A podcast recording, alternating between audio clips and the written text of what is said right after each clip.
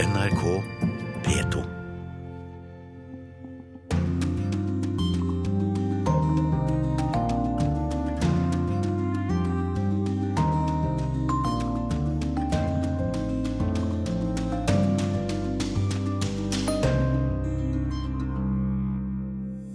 Scott Walker vil kjøre Harley helt til Det hvite hus. Er det virkelig en sammenheng mellom kubikk og politikk?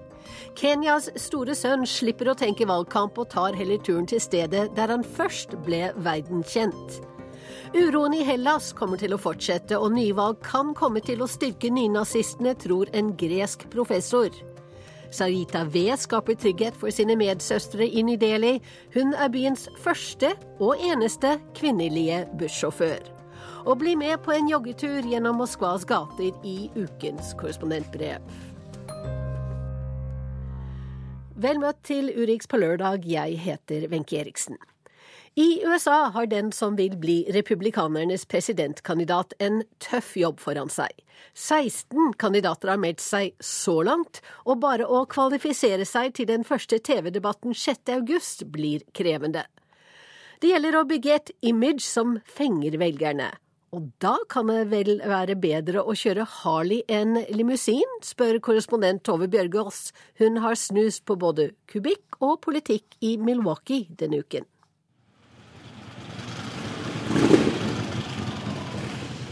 Det glinser i krum og blankpolerte motorkasser idet flere av dem parkerer utenfor. Mange kommer hit på rene pilegrimsferden til museet i sentrum av Milwaukee. Yeah, my husband does. When he went to Iraq and uh, when he came back in 2008, I think it was 2008, we bought him as his coming home gift a motorcycle. So. Vi kjøpte Harley til mannen min da han kom hjem fra Irak-krigen i 2008, forklarer Tonda fra Illinois.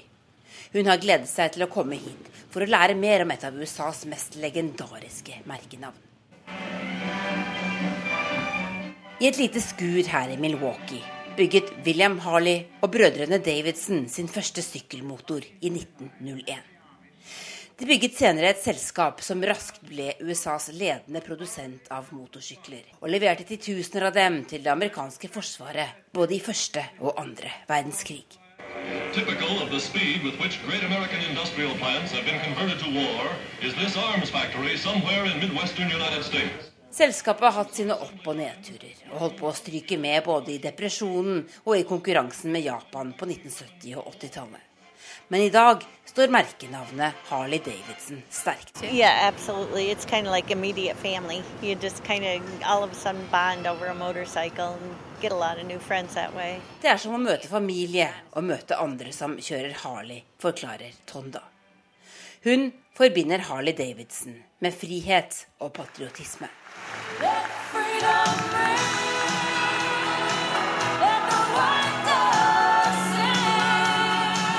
Og da er det vel slettes ikke så dumt for en politiker å ha en slik i garasjen. Could two people be any more different? Scott loves to take long rides on his Harley. Hillary likes to take long rides on the back seat of her limousine. Noen kilometer unna står Rachel Campos Duffy på talerstolen for å introdusere Harley-delstaten Wisconsins omstridte leder.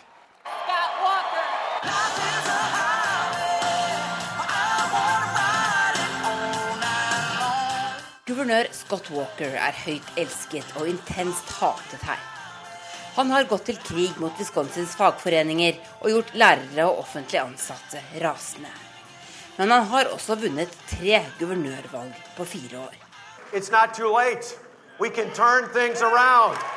Nå vil han bli republikanernes presidentkandidat. I'm going to try and get New Hampshire through all 10 counties on my Harley. I'm going to ride a little bit in South Carolina, Nevada, and elsewhere. Jeg planlegger å kjøre Harley gjennom alle valgdistriktene i New Hampshire, forklarer Walker fra scenen. Han har ikke langt hår, skjegg og skinnjakke, men han er likevel troverdig nok over skrevs på en Harley. Kind of. Ukonvensjonell, frihetselskende. I personally think Scott Walker is an honorable man, and I only vote for honorable people. That's why I can't vote for a Democrat. Han er en hedersmann, Jeg vil gjerne ha ham som øverstkommanderende, sier Vietnam-veteran Elmer Crenshaw. Men stemmer Harley-entusiaster republikansk? Ja, et stort flertall av dem gjør det, ifølge forbrukerstatistikk.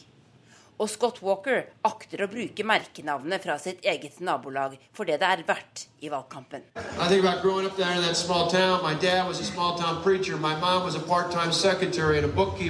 I dagene etter lanseringen på mandag dukket han opp på valgmøter i New Hampshire og i Las Vegas hos lokale Harley Davidson-forhandlere.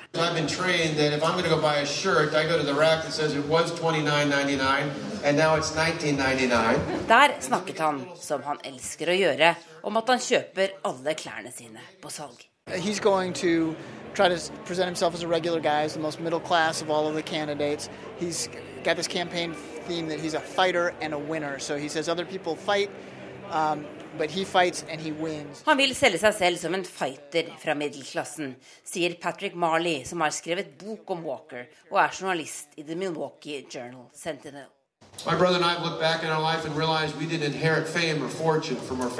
Scott Walker er ingen millionær. Han tjener mindre enn alle de andre kandidatene han konkurrerer mot, og har ikke engang fullført en bachelorgrad. Men han er et soleklart konservativt alternativ til Jeb Bush, som han har pustet i nakken på meningsmålingene lenge. Stadig flere snakker om at republikanerne effektivt kan kjempe mot Hillary Clinton ved å nominere Walker og få ham til å velge Marco Rubio som visepresidentkandidat. Nå herjer imidlertid en overraskelseskandidat på målingene. Well, back, you know,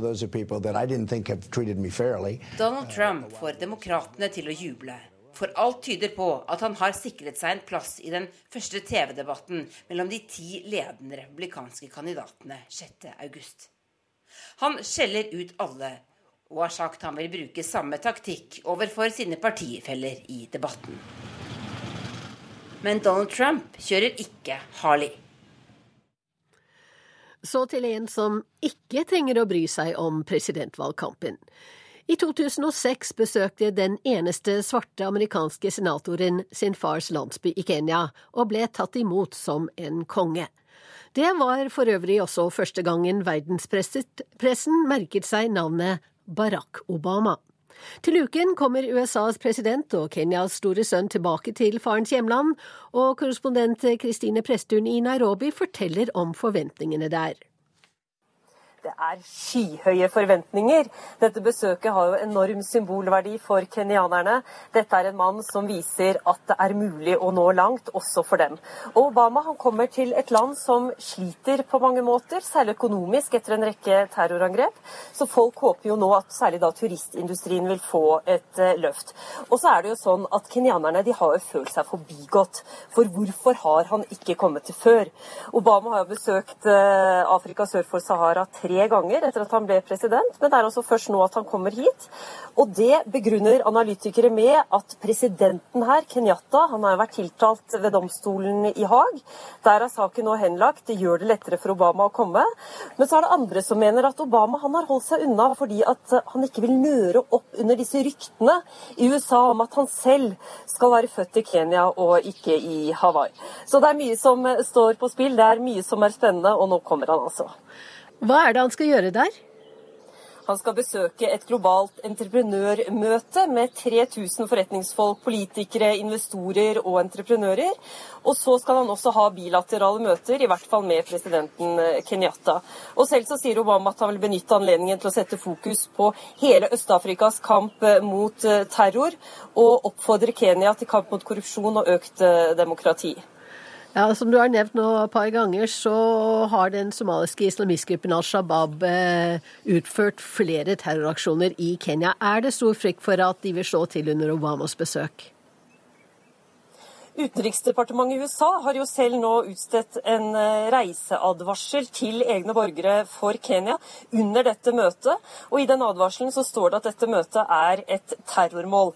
Likevel så sender de jo sin egen eh, president eh, til landet, noe som kan nesten virke paradoksalt. Men sikkerheten er selvfølgelig veldig styrket under møtet. Det er 13 000 politifolk som skal passe på han. Det er minst 800 egne sikkerhetsfolk sendt fra USA.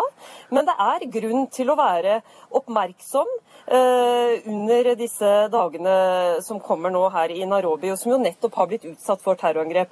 Og Det siste store angrepet her, det var jo mot eh, kjøpesenteret Westgate. Og nærmest utrolig nok, akkurat i dag så åpner dette kjøpesenteret igjen, to år etter eh, at det ble rett og slett nærmest bombet til grunnen etter terrorangrepet. Og hvordan forbereder kenyanerne seg til dette store besøket? Her har hundrevis av ungdommer ligget til knes og luket eh, bed, plantet blomster. Det er satt opp ny belysning. Bostedsløse er eh, jaget, eller i hvert fall flyttet ut fra, fra gatebildet.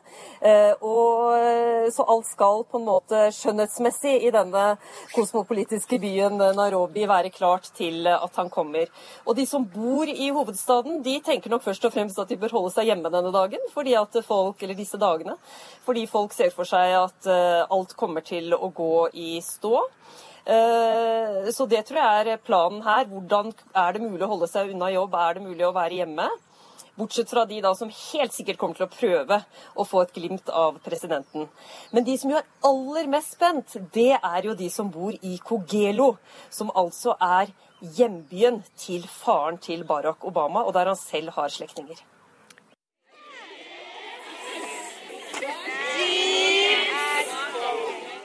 100 skolejenter i nystrøkne uniformer smiler til fotografen. De trenger egentlig ikke si cheese.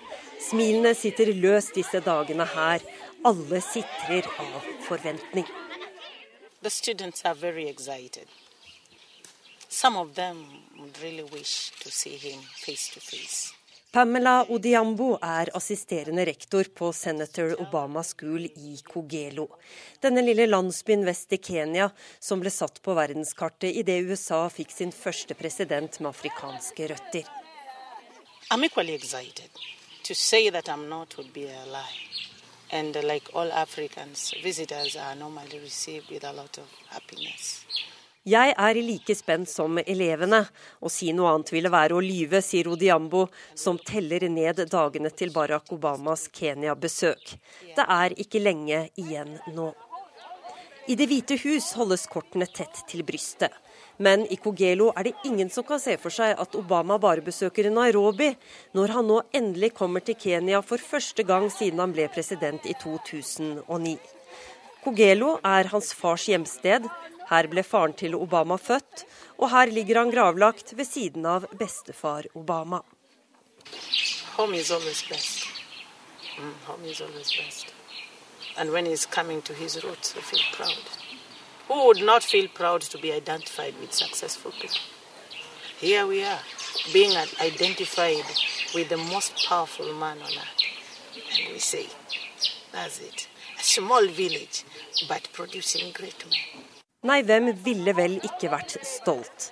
Den lille landsbyen som ligger mellom duvende maisåker og grønne åser, har fått et løft etter at Obama først ble senator, så president.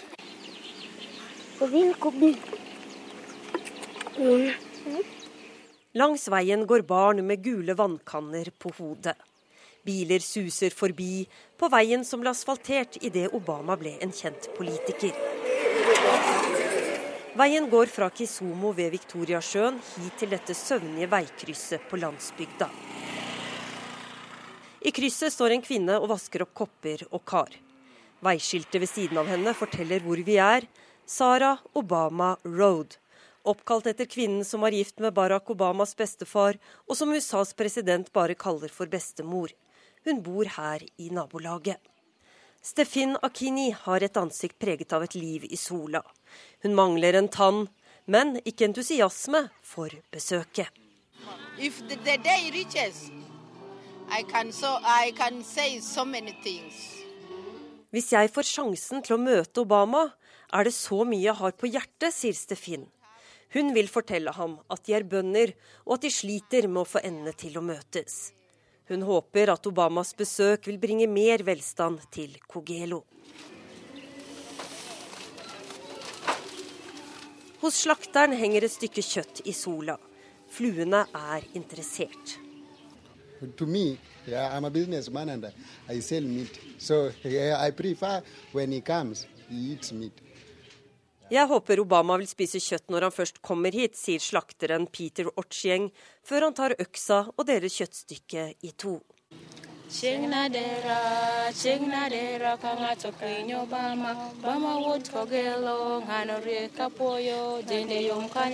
På Senator Obamas School øver tre 14 år gamle jenter seg på en velkomstsang til byens store sønn. Okay, it's just our luck. Because he's the first African guy to take leadership in th those other countries. Kogelo is a very blessed village. Det er bare flaks at Obama kommer herfra. Det gjør Kogelo til en velsignet landsby, sier Belvin Avino, ei jente med flettet hår, tyggegummi og fremtidsdrømmer. I et klasserom gjør guttene lekser i friminuttet. De har ingen tid å miste hvis de skal klare å nå sitt mål og følge i fotsporene til han som kanskje snart kommer på besøk. We are hoping to be the next president of the United States of America, our brother did.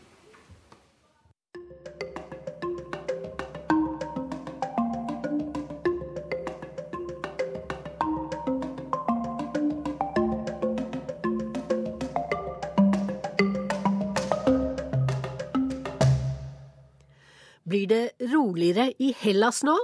Det er slett ikke sikkert. Nyvalg til høsten kan føre til kraftig framgang for ytterste høyre i gresk politikk. Det sier professor Serafim Seferiadis ved Universitetet i Aten til Urix på lørdag. Han mener at uroen i Hellas kommer til å fortsette, selv om parlamentet denne uka sa ja til avtalen med EU. For mange, grek mange grekere mener at regjeringen ikke burde gitt etter for presset. Jan Espen Kruse rapporterer fra Aten.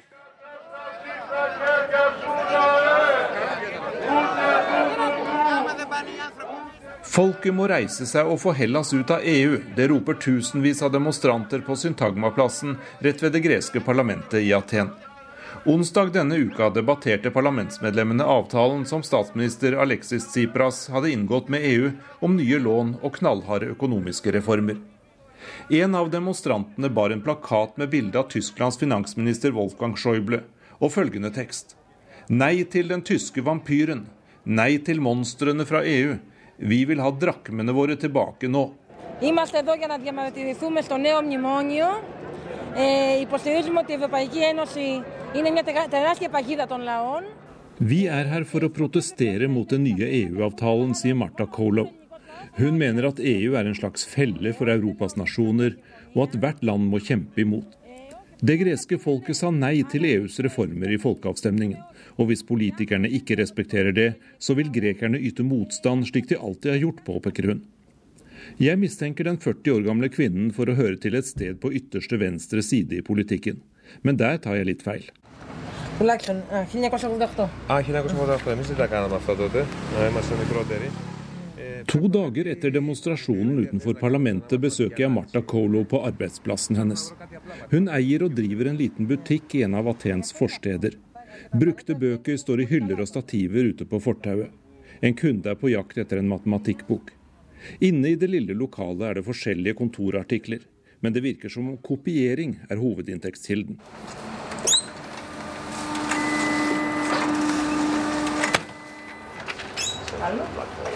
Μία φορά το κάνω, Ναι, ναι, ναι. Μια προφήσω.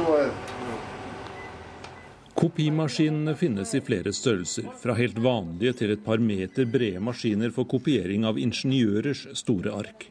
Men det er ikke så mye 40-åringen tjener på dette. Ε, όχι, αυτή τη στιγμή δεν έχουμε κέρδος. Το μόνο που κάνουμε είναι να πληρώνουμε τις υποχρεώσεις μας. Jeg har ingen egentlig fortjeneste, sier kvinnen. Det holder bare til å dekke skattene og de andre utgiftene. Nedgangen begynte for to år siden og har bare fortsatt. Hvis folk nå skal få enda mindre lønninger, vil de ikke ha råd til å komme til meg og handle, sier hun. First of all, the Greek people are in a state of shock. Greeks one day woke up and saw that the banks were closed. On top of the continuing hardship because things haven't improved. Grekerne er i en slags sjokktilstand akkurat nå, sier professor Serafim Seferiadis ved universitetet i Aten. Folk våknet opp en dag og oppdaget at bankene var stengt. De sa et klart nei til EUs reformer i en folkeavstemning, men rett etterpå gjorde regjeringen om deres nei til et ja, påpeker professoren, som mener at det blir nyvalg til høsten. Men resultatet kan bli en skuffelse for mange, understreker han. The youth, uh, the unemployed, the people on the margins, even uh, petty bourgeois uh, sectors, you know, small shop owners, and all these people um, who simply cannot uh, uh, carry on with the new austerity package. It's not viable. Uh, it's very likely, it's very possible that they will turn to the neo Nazis who Ungdommen, de arbeidsløse og noen i borgerskapet kan komme til å stemme på nynazistene i gyllent daggry, sier professor Seferiadis. Han mener at det kan bli en svært farlig utvikling som kan komme til å gjenta seg i flere andre europeiske land med dårlig økonomi. Demoralization and the rise of the far right will not just be a Greek phenomenon, it's going to be a European phenomenon. And we've seen that happening in Europe in the past.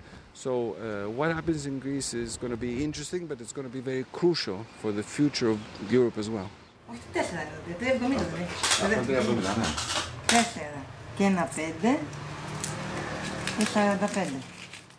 I butikken teller Marta Kolo opp vekslepenger til en kunde. For henne er hver dag en kamp for å overleve økonomisk. Og den kampen har blitt hardere for hver dag som går, så lenge Hellas har vært med i eurosonen. Αυτό δεν το ξέρω. Πιστεύω ότι θα, θα, κάποια στιγμή θα βρεθούμε στο δίλημα ευρώ ή δραχμή. Εμένα η θέση μου είναι τελείω με το μέλλον. På et tidspunkt må vi velge mellom euroen og drakmene som vi hadde tidligere, sier Kolo. Hun er helt sikker på at grekere flest vil få det mye bedre på sikt hvis de går ut av EU. Hun mener at statsminister Tsipras har sviktet grekerne. Hvis han hadde våget å slåss for folkets mening, så hadde han blitt en helt, sier 40-åringen. Men uansett hvordan det går i tiden fremover, så er hun sikker på én ting.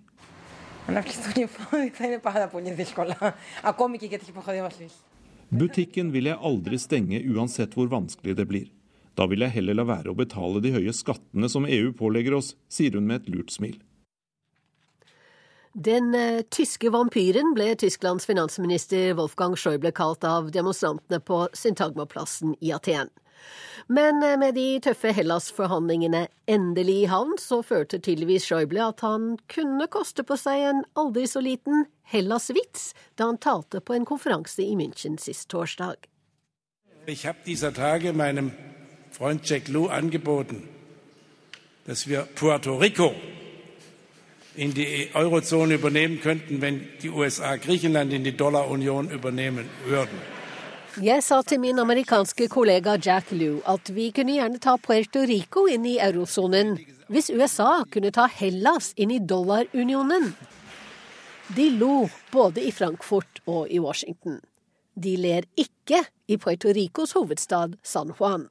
Puerto Rico necesita, y te propongo hoy, un plan de reestructuración y desarrollo completo, comprensivo, Puerto Rico trenger en fullstendig og omfattende restrukturering av gjelden. Vi har ingen mulighet til å betale tilbake statsgjelden på 72 milliarder dollar, vel 577 milliarder kroner, fortalte guvernør Alejandro Garcia Padilla folket sitt i en fjernsynstale for noen uker siden.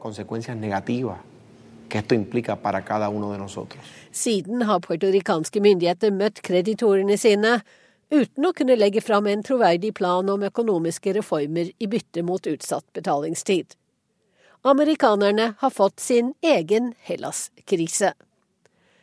Den karibiske øygruppen Puerto Rico er en selvstyrt amerikansk koloni. De fire millioner menneskene som bor der, er amerikanske statsborgere.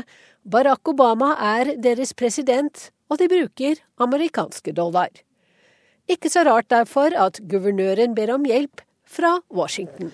Es momento de que le reclamemos a Washington acción concreta en una sola voz, acción a Washington ahora. Tiden er inne for et samlet Puerto Rico å kreve konkret handling fra Washington, sier guvernøren. De må gjennomføre endringer i den delen av konkursloven som gjelder offentlige enheter, slik at Puerto Rico får den samme beskyttelsen som andre har fått. som fortidens bilmekka Detroit.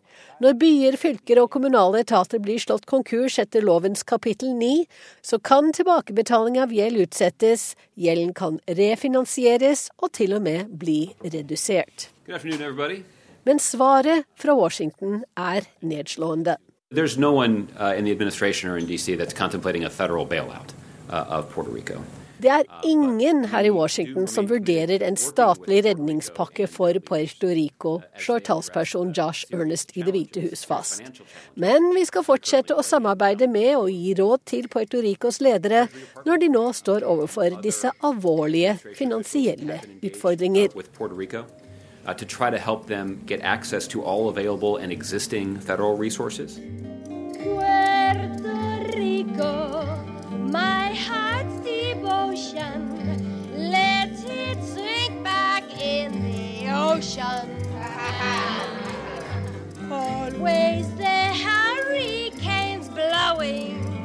Always the population growing. Mer enn 50 år etter at filmen West Side Story skildret puertoricanernes dragning mot USA, har øygruppens elendige økonomi ført til en ny topp i innvandringen til fastlandet. Den største økningen har vært i Florida, der det nå bor over én million puertoricanere. Like. Okay. For a small fee in America. Snart kan de bli en enda større gruppe enn solskinnsstatens cubansk ættet befolkning. En ny politisk maktfaktor, en vippegruppe i delstaten som er alle vippestaters mor. For mens nesten tre av fire puertoricanere stemte på demokratenes Obama ved forrige presidentvalg, så er de sosialt konservative og var med på å velge republikanske Jeb Bush til guvernør i sin tid. Presidentkandidat Bush støtter guvernør Padillas krav om restrukturering av sin gjeld, og har til og med drevet valgkamp i San Juan. Innbyggerne i Puerto Rico kan riktignok ikke stemme ved amerikanske valg, men de har egne delegasjoner på begge partienes landsmøter og tette bånd til sine utvandrede slektninger. Også de andre presidentkandidatene begynner etter hvert å innse at Puerto Ricos gjeldskrise blir et tema de ikke kan la være å ta stilling til.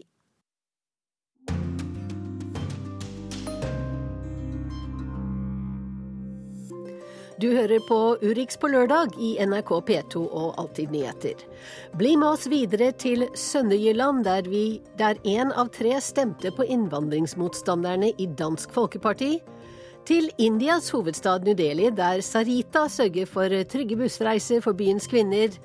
Og Morten Jentoft tar oss med på en joggetur gjennom Moskva i ukens korrespondentbrev. Vi hørte om kubikk og politikk tidligere i sendingen. Nå skal det dreie seg om dyr og politikk. For nok en gang har revejakt havnet på toppen av den politiske agendaen i Storbritannia. Og kanskje mer politisk enn noen gang, for nå handler det ikke bare om revens ve og vel, men om mer skotsk påvirkning på britisk politikk. Good morning, ladies and gentlemen. Det har pågått i hundrevis av år på den engelske landsbygda. En stor gruppe av velstående menn i galante rideuniformer til hest. Fulgt av en enda større flokk blodtørstige hunder. Jakten er i gang. Reven skal røykes ut, jages og bites i filler.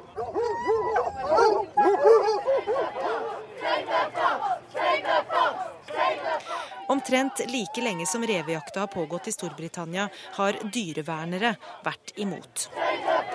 Og selv om tradisjonell revejakt ble forbudt i Storbritannia for ti år siden, har ikke protestene stilnet.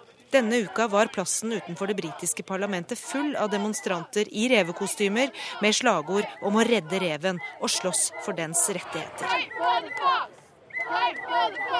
For revejakta er igjen blitt et hett politisk tema i britisk politikk. Den konservative statsministeren David Cameron foreslår nemlig å lette på det ti år gamle forbudet som ble innført av Labour-regjeringen da. Dagens regler gjør at revejakt med hunder kun kan brukes der det ikke jaktes på en ekte rev, bare lukten av rev. Eller hvis hensikten er å fjerne rev som skadedyr, da har man lov til å bruke maks to hunder. Cameron og det konservative partiet vil åpne for å kunne bruke et ubegrenset antall hunder i slike tilfeller. Dette forslaget skulle parlamentet stemme over onsdag denne uka.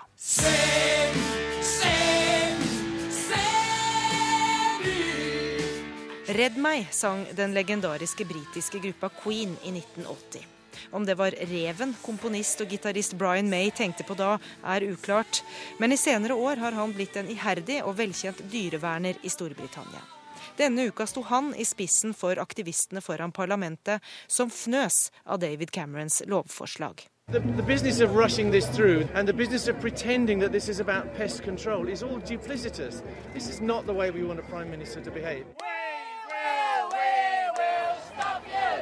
Det er ikke sånn vi ønsker at statsministeren skal oppføre seg, sier Brian May.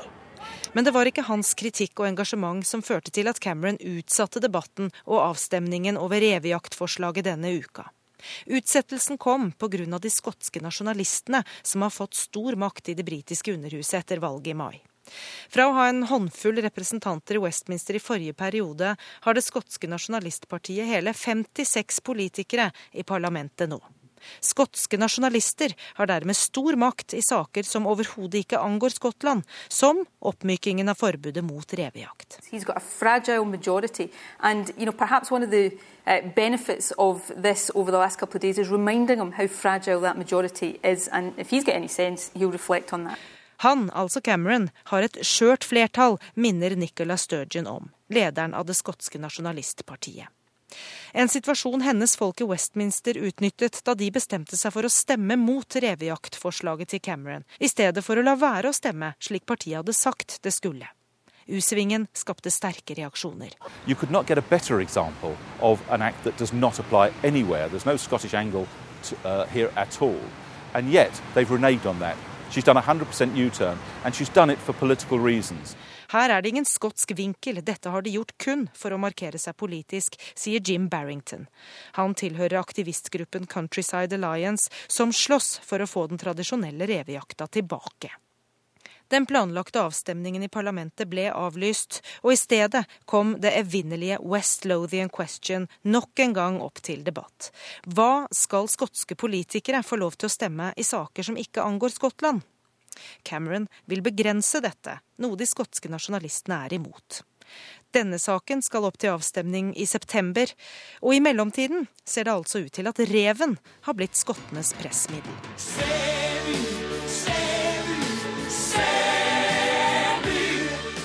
Men redder det reven? Dyreverner og Queen-gitarist Brian May ser ikke på utsettelsen som noen endelig seier. I'm obviously pleased that the government have backed down. Of course, I'm pleased. But it's a minor victory in a sense. We need a major victory. And we need fox hunting to be kicked out forever. And that's what I will really need to happen before I will rest. It's becoming an embarrassment.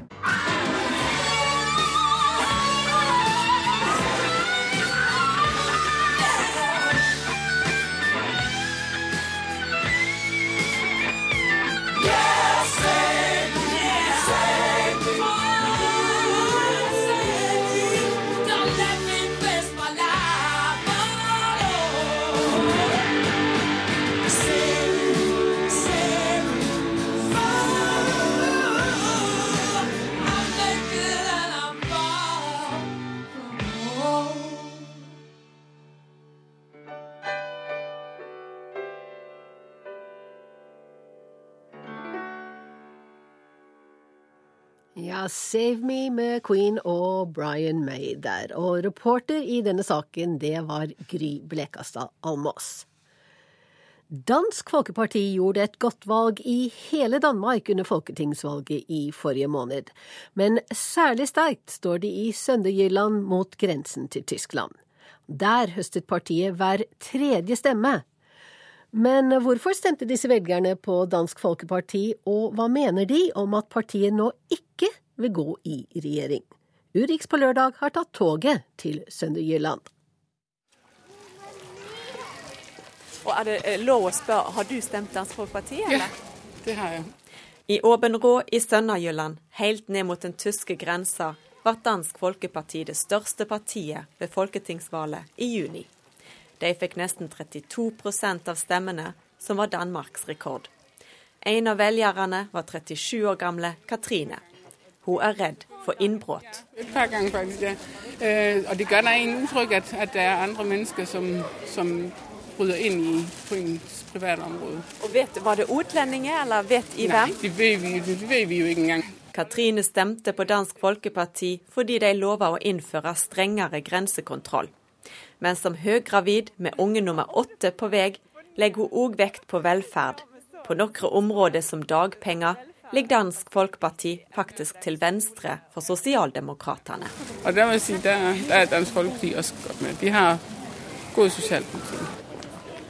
Har I stemt Dansk Folkeparti, eller? Ja, vi har stemt dansk, ja. 32 år gamle Laust var ikke nøyd med den tidligere regjeringa. Liker ikke Venstre-leder og nå statsminister Lars Løkke Rasmussen og ville ha mer velferd for skattekronene. Dermed ble det Dansk Folkeparti. Forhåpentlig for at det kan bli litt bedre enn det er i forveien. I stedet for at man skal arbeide, så man skal av med alle pengene. Penge, penge. Så bedre, mer velferd, tenker du? Ja. Og hva med sånn grensebom og innvandring og sånn? Det kommer ikke så mye. Altså, så lenge de oppfører seg ordentlig, så er de velkomne. Altså, mitt umiddelbare inntrykk er at folk har stemt Dansk Folkeparti fordi de vil verken stemme høyre eller venstre.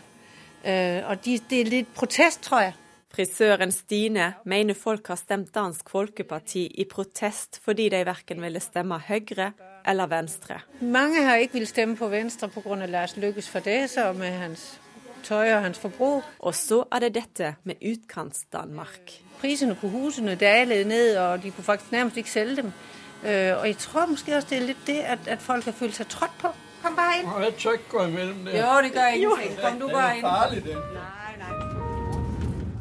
Og passasjerer skal videre mot Vojens, Tinglev og Sønderborg. Skal i dag Og Sønderjylland ligger altså langt fra det politiske maktsenteret på Kristiansborg. Fra København tar det rundt fem timer med buss og tog. På en årviss lokal fest med nesten 2000 gjester møter med viseborgermeisteren i Åbenrå, Dansk Folkeparti-politikeren Eiler Schütt. Som visuelt kan se på folk om de, når de skal passere, om de har onde eller dårlige hensikter. Det er ikke sikkert man fanger dem alle sammen, men bare det at man vet at det er ekstra kontroll, det, det forebygger. Han sier sønderjydene langt fra lir av noe mindreverd, men har et reelt problem med det han kaller banditter som kommer over grensa. Dansk Folkeparti vil derfor ha sterkere grensekontroll, noe som kort ble innført i 2011. Men Schütt mener ikke sønderjydene er nasjonalistiske. Vi er bare litt mer det Vi er meget åpne. Vi er meget åpne. Grensen det er ikke for å avsondre oss, det er for å beskytte oss mot gjester.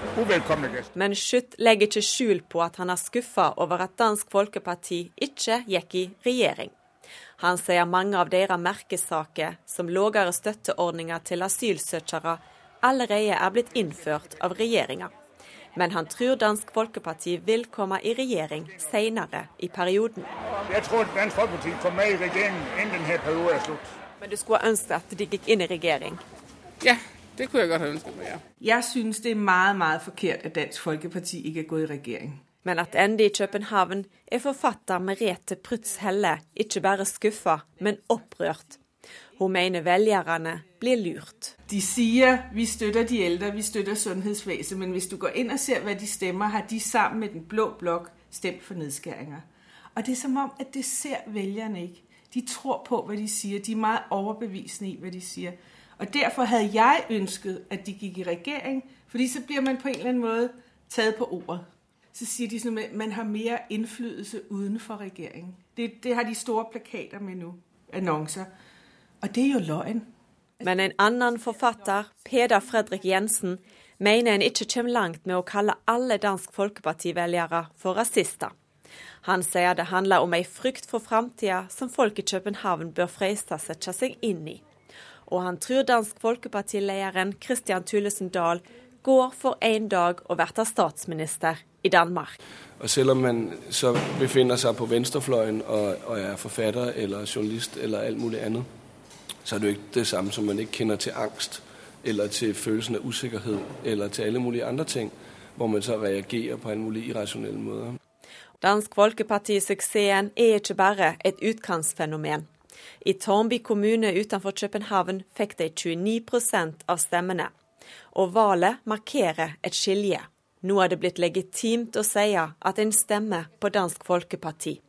Et parti som sosialdemokraten Pål Nyrup Rasmussen i 1999 omtaler slik sitat, 'Stuerene, det bliver i aldri'. Sitat slutt. Det er min personlige handling, og den vil jeg godt stå ved, så, så det har jeg, ikke, har jeg ikke noe problem med. Og vår reporter i Danmark er Tove Irén Spissøy Gerhardsen.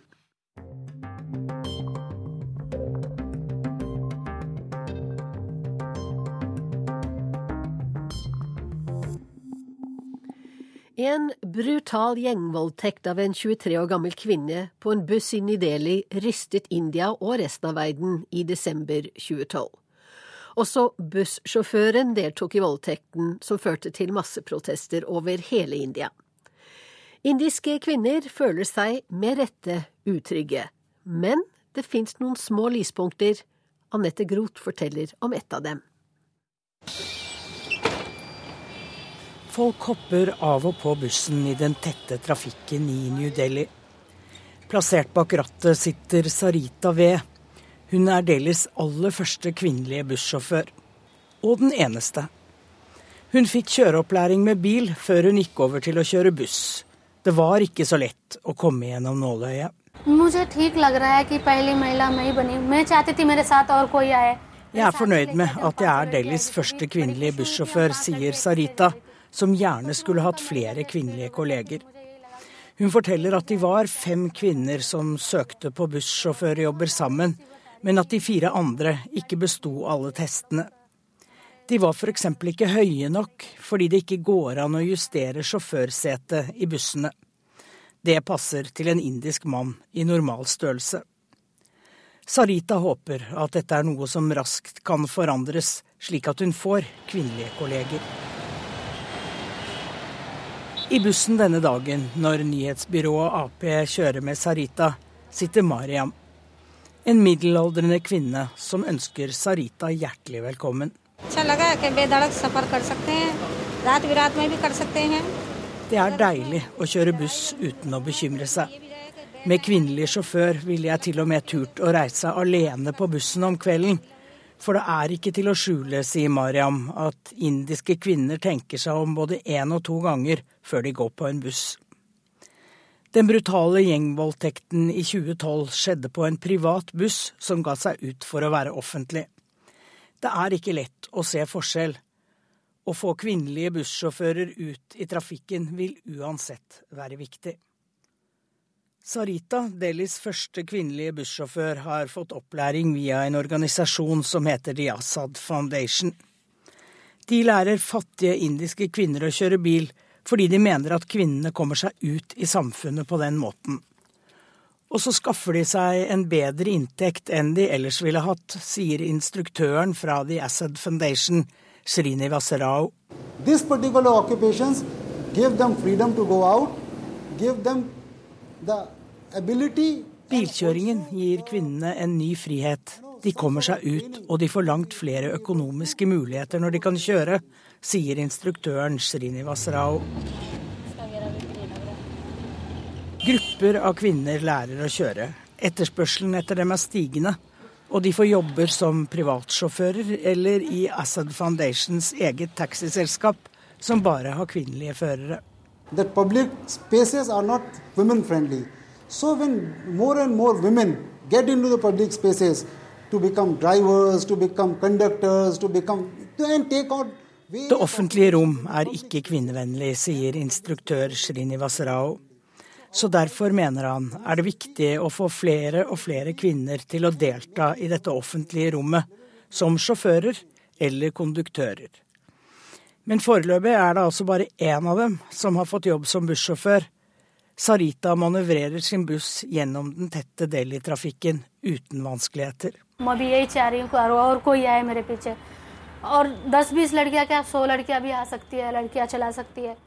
Jeg ønsker meg flere kvinnelige kolleger. Dette er ingen vanskelig jobb. Kvinner må bare få selvtillit nok til å sette seg i sjåførsetet, og selvfølgelig også bli oppmuntret til å følge mitt eksempel, sier Sarita. Hun er stolt over at hun både er Delhis første kvinnelige bussjåfør, at hun kanskje bidrar til å gjøre indiske kvinners liv litt lettere, og at hun klarer jobben med glans.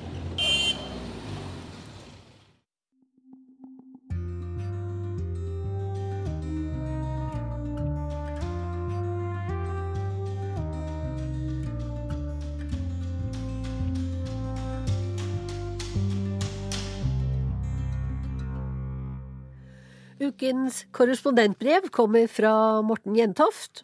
Gjør deg klar til å bli med ham på en joggetur gjennom Moskva. Follow the Moskva, down to Gorky Park. Nei, dette skal ikke bli et syngende korrespondentbrev fra Moskva. Men Scorpions legendariske glasnost-hit 'Window Changes' fra begynnelsen av 1990-tallet er en fin inngang til det som jeg skal fortelle dere om de nærmeste minuttene. Nemlig min faste joggetur her i den russiske hovedstaden. Og den følger faktisk mange av moskovittene nedover til nettopp Gorkiparken. Fra den store og nyrenoverte Kaluskaja-plassen, som mange av dere kjenner som bakgrunn for denne korrespondentens direkte medvirkninger i programmer som Dagsrevyen og Urix. For den kresne norske jogger er kanskje ikke min rute her i Moskva helt ideell. Mye asfalt og for mye folk er det store deler av veien. Men turen er full av opplevelser og ikke minst historie. Den går altså gjennom Gorkiparken, kanskje en av verdens mest berømte parker, bl.a. kjent fra Martin Krusmiths kriminalroman fra 1981, senere filmet og i Norge kjent som Mordet i Gorkiparken. Det er ikke så mye spenning og mystikk som møter meg når jeg runder inn en av inngangsportene fra Krimskival, gaten som er en del av hageringen som går som en aldri hvilende pulsåre rundt sentrum av Moskva. For bare få år tilbake ville jeg blitt møtt med et kaos av salgsboder og diverse tivoliapparater, som det kunne se ut som om eierne bare hadde satt opp etter prinsippet 'først til møllen'. Dette kaoset begynte allerede den gangen landet het Sovjetunionen, og eksploderte i de kaotiske årene på begynnelsen av 1990-tallet, da alt var mulig og reglene få i det vakuumet som oppsto etter at Sovjetunionen gikk i oppløsning. Til og med en romferge som aldri klarte å få folk ut i rommet, var det plass til her den gangen. Gorkiparken ble opprinnelig anlagt på slutten av 1920-tallet som en slags kulturpark med teater og utstillingslokaler, og har alltid vært populær blant folk her i den russiske hovedstaden. Når jeg løper forbi den store fonteneplassen litt inn i parken, tenker jeg ofte på hvordan det var her 22.6.1941 da folk samlet seg under de store høyttalerne for å høre utenriksminister Vjatsjislav Molotov informere dem om at landet nå var i krig, etter at Hitler-Tyskland hadde gått til angrep samme natt klokken fire. Ingen av dem som vandret rundt her den gangen i sommervarmen, skulle bli uberørt av det som skulle skje de neste fire årene. Gorkiparken skulle senere gå gjennom mange faser, men krambodene og tivolitiden står neppe igjen som den mest ærerike. Nå er berg-og-dal-banen og pariserhjulet historie. Etter noen år med byggevirksomhet så åpnet Gorkiparken på nytt i november 2011. Når jeg løper innover mellom blomsterbed og små dammer og innsjøer, så kan jeg bare beundre hvor skikkelig og ordentlig dette er gjort. Overalt er det benker eller store puter som du kan legge deg på. Og oversiktlige informasjonstavler og skilt på russisk og engelsk gjør det enkelt å orientere seg. Og moskovittene og vi utlendinger som bor her i byen, har raskt tatt tilbake parken. I dag er den et av de hotteste stedene i Moskva, nesten døgnet rundt. Noen ganger er den første kilometeren innover nesten et mareritt for en jogger pga. alle menneskene som rusler rundt her. Selv om få kan beskylde meg for å holde ekspressfart når jeg er ute på tur. Heldigvis er det i mitt tempo mulig å få med seg det meste av det som skjer, og som stadig dukker opp her. Det siste nye er det store Galleriet for moderne kunst, Garage. En kloss av en bygning som passer overraskende godt inn her, med sine store flater og vinduer. Det er Darja Dasha Zjukova som har investert et ukjent antall millioner rubler i galleriet, og hun burde ha litt å ta av. Hun er nemlig den nye kjæresten til en av verdens rikeste menn, eieren av fotballklubben Chelsea, Roman Abramovic. Moskva er forresten i ferd med å bli en av Europas mest spennende byer for moderne kunst. Flere nye statlige gallerier for kunst fra det siste århundret har åpnet sine dører den siste tiden, i tillegg til et utall mindre gallerier som ligger spredt rundt over hele byen. Etter vel en kilometer litt lengre inn i parken så svinger jeg til høyre utover mot Moskvaelven. Her ligger flere nye restauranter, bl.a. en med navnet Lebenoje Ozero Svanesjøen. Nå mens kvelden er varme, er glassfasadene åpnet opp, og er du heldig, så svømmer det faktisk en ekte svane forbi mens du sitter og nipper til et glass hvitvin, kanskje fra en av de nye russiske produsentene nede ved Svartehavet. Men skal du være politisk korrekt, så holder du deg selvfølgelig unna vin og champagne fra Krim, halvøyen som Russland annekterte fra Ukraina i mars 2014. Vel utover elvebredden følger jeg strømmen av mennesker sørvestover mange av dem på rulleskøyter eller med sykkel. Her er det laget egne sykkelveier, noe som har gjort at sykkelinteressen har eksplodert i Moskva det siste året. Du kan leie sykler fra selvbetjente utleiestativer omtrent etter samme prinsipp som det som mange kjenner fra Oslo. Nede ved elven er det også laget til platninger for dans, og folk danser, av og til også til instruksjon fra lærere. På dette tidspunktet begynner min noe tilårskomne kropp å bli varm, og jeg prøver å få opp tempoet der jeg løper mellom de store trærne som vokser helt ned til Moskvaelven. På andre siden ser jeg huset der vi bodde i to år forrige gang jeg var korrespondent her i Moskva. Den gangen var jogging en risikosport fordi byens parker ofte var full av lunefulle villhunder som plutselig kunne finne på å gå til angrep. Nå er disse for lengst borte, og moskovittene er blitt flinke til å holde sine egne kjøtere i bånd. Etter et par kilometer langs elven er det klart for joggeturens lille utfordring. Her skal jeg nemlig opp fra elven til et platå, og jeg har fått streng beskjed fra legen hjemme at det er viktig å presse meg litt nettopp i slike bakker for å få opp pulsen. Og jeg gjør så godt jeg kan, selv om det går ganske tregt de siste metrene før grusveien flater ut. Nå begynner den fineste delen av joggeturen, på idylliske småveier, før jeg må ta av og ut i den harde virkelighet. Den heter Leninskij prospekt, en av de travleste gatene i den russiske hovedstaden. Er jeg heldig, får jeg noen sekunders pause mens jeg venter på grønt lys. Og så er det bare å styrte over de ti filene og håpe at bilene som står og knurrer, respekterer sitt røde lys. Og det gjør de faktisk stort sett. Bilistene i Moskva er blitt langt lydigere og disiplinerte enn da jeg bodde her på slutten av 1990-tallet. Noen ganger blir ventetiden lengre, for Leninskij prospekt fører ut til Vnukova-flyplassen, der det er en egen terminal for statlig representasjon. En gang jeg skulle krysse veien, forsto jeg at det var noe stort på gang. Det krydder politi, og selv om jeg ikke er 100% sikker, så tror jeg det var selveste president Vladimir Putin som raste forbi med et enormt sikkerhetsoppbud rundt seg. På den andre siden av Leniski prospekt er det slutt på grønne trær og grusveier. Resten av joggeturen tilbake til leiligheten går på fortau og mellom boligblokker. Men her er det likevel fint å løpe, fordi jeg er unna den verste trafikken. Snart passerer jeg de røde murene til Donskoj-klosteret, et av de mest tradisjonsrike i Moskva, og med en kirkegård som rommer mange kjente personer. Ved Sjablovskaja metrostasjon øker menneskemengden for en stund, før jeg krysser over Mytnaja-gaten, Vaskerelven som vi ville kalt den hjemme i Bergen. I riktig gamle dager vasket bøndene dyrene sine her, før de skulle selges på markedet lenger inne i byen. Nå begynner jeg å bli litt sliten, men vet at det bare er en knapp kilometer igjen. Denne kilometeren er full av kontraster. Først passerer jeg et av de nye boligkompleksene som har skutt opp i Moskva det siste tiåret.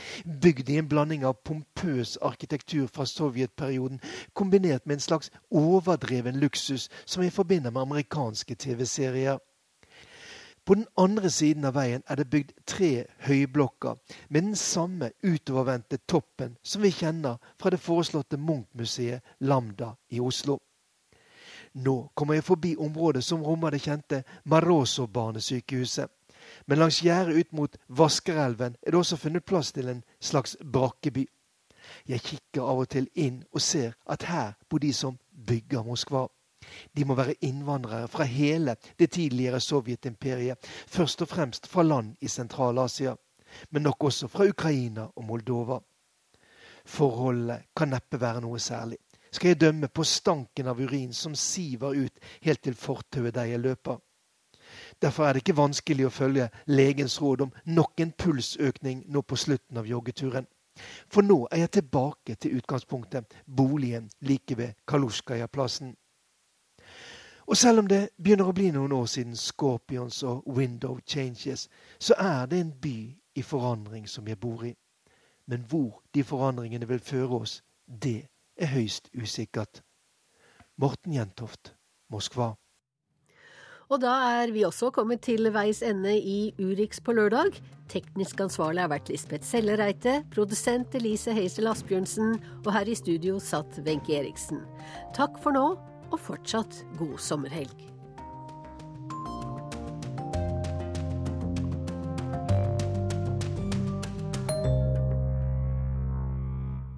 Hør flere podkaster på nrk.no podkast.